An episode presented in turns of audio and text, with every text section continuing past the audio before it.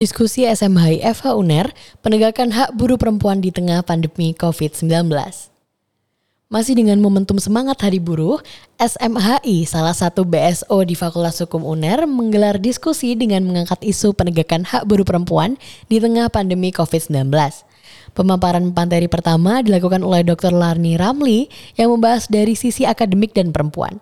Selaku akademisi hukum, Beliau menekankan pembahasan pada aspek keadilan yang seharusnya terdapat pada setiap hubungan kerja terutama terhadap perempuan.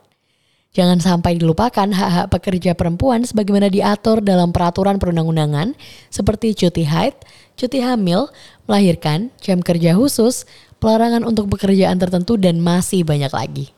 Beliau juga menyoroti banyaknya permasalahan yang masih dihadapi oleh pekerja perempuan di tempat kerja seperti kelakuan arogan kaum pria sehingga perempuan dianggap objek dan layak untuk dilecehkan.